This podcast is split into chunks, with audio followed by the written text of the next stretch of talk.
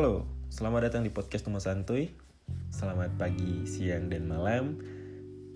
Teman-teman yang mungkin lagi di jalan, yang lagi santai di rumah sambil ngopi mungkin ya. Atau mungkin teman-teman yang lagi mau tidur mungkin ya Yang dengerin podcast ini.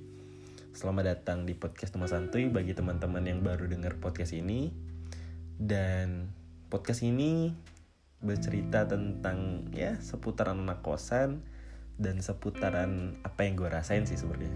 Yang mungkin dirasain juga sama teman-teman gitu ya. Ya ini sekedar cuman cerita-cerita doang sih. Ya mungkin ke depannya gue bakal ngajak teman gue sih buat ngajak ngobrol di podcast ini. Tapi ya untuk sekarang-sekarang mungkin podcast ini ya masih gue sendiri gitu ya. Semoga ke depan ada bintang tamunya ya, yang bakal dengerin podcast ini. Ya makasih teman-teman yang udah dengerin podcast ini.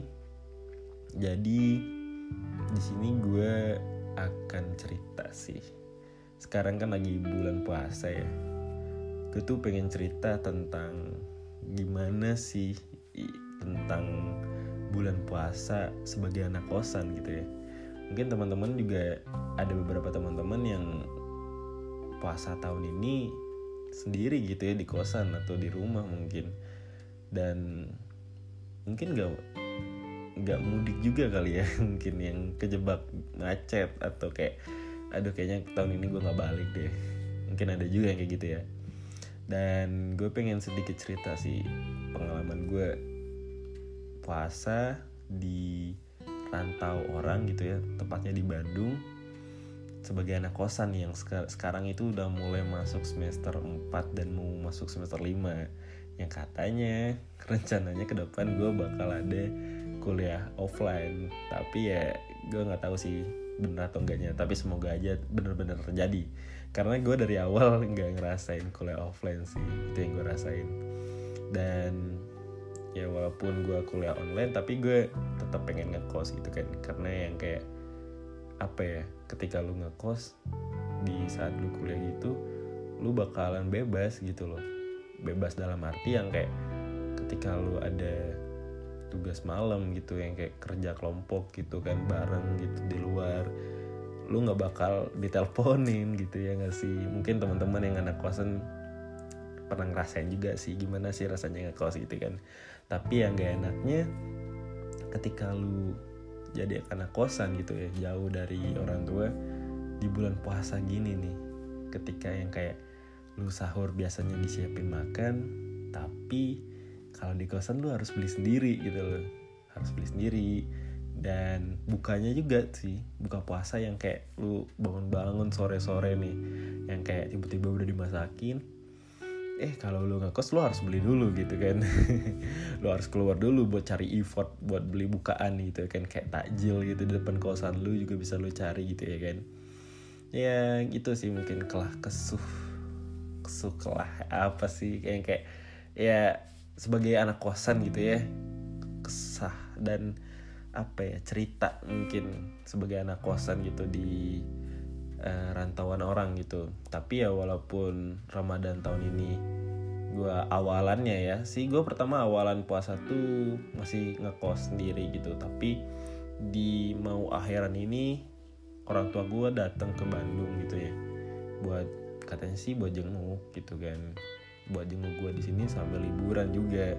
Ya jadi untungnya lebaran tahun ini gue nggak sendiri lagi sih.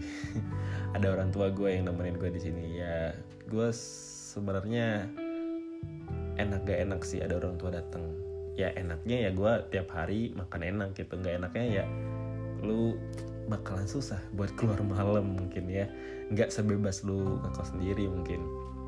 Tapi ya gue syukurin aja gitu ya kan tapi ya mungkin teman-teman yang sekarang lagi ngekos sendiri gitu ya yang lagi nggak sama orang tuanya mungkin tetap semangat ya kalian sebagai anak kosan gitu kan.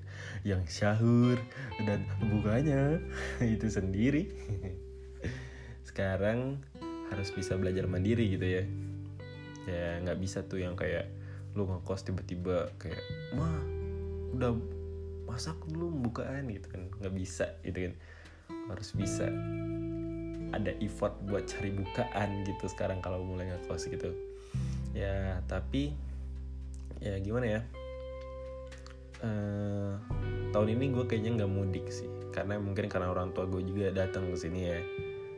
Ya jadi gue lebarannya bareng-bareng nih sama orang tua gue di sini sama abang gue sama ponakan gue ya asik sih alhamdulillahnya lebaran tahun ini jadi ngumpul gitu ya kan.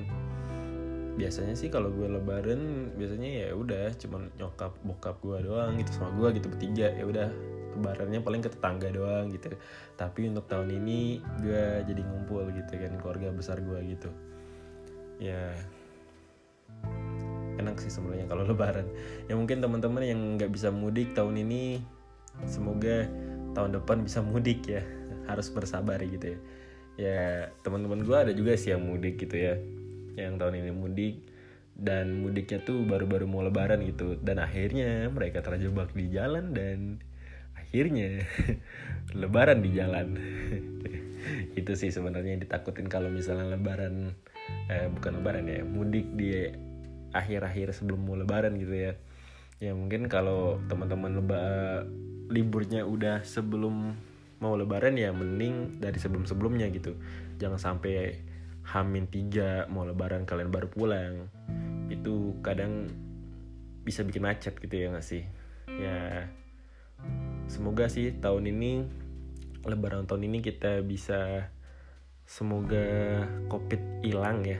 Covid hilang dan bisa beraktivitas seperti biasa gitu ya. Ya semoga aja gitu ya. Ya karena gue bete terus sih yang kadang di rumah sendiri gitu kan. Kuliah di rumah terus gitu kan. Kuliah serasa pengangguran gitu kan. Kuliah online doang masuk enggak gitu kan.